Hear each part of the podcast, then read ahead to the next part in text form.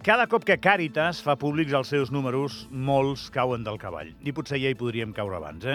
650 persones estan sent ateses pel servei actualment, amb diferents necessitats per diferents camins, però transitant al mateix canal, el de la precarietat. I estic segur que per moltes dades com aquesta que, que fem públiques, eh, vosaltres ja us feu la pell dura, no? però aquestes dades representen, sense cap mena de dubtes, un cop dur per molts de vosaltres, els que encara teniu instal·lat en el vostre imaginari una Andorra que, que ja no existeix. Una Andorra que tenia un cabal de riquesa suficient perquè ningú quedés endarrere. Aquesta Andorra ha marxat i ara som en un altre país, un lloc encara més, més atractiu que altres per plantar un projecte de vida. Per, per això ve un munt de gent a viure aquí, i això no ho podem pas negar.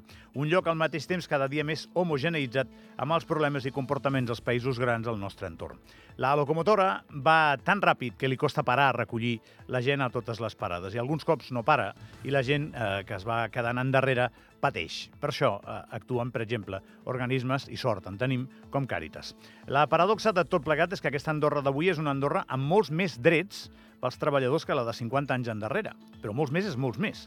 I a més és un lloc on existeix des de fa temps una xarxa de seguretat per intentar que l'estat del benestar no només alimenti els que surfegen l'èxit. No es pot negar que entre el govern i els comuns s'ofereixen un munt d'ajudes per conceptes diferents. Són suficients? Doncs segurament no, per això intervé Càritas. Segur que no ho són si pensem en aquella Andorra que teníem idealitzada. Igual massa idealitzada, eh? Uh, sempre passen aquests casos, quan mires endarrere i poses el retrovisor. El que sí em sembla poc discutible és que per intentar esmenar, ajustar i millorar, i millorar allò que és esmenable, ajustable i millorable, és important saber quin és el punt de partida i enfocar-lo bé per després cosir millor, si cal, la xarxa de seguretat de l'estat del benestar. No és que la ideologia no serveixi, tant que ho fa, és important.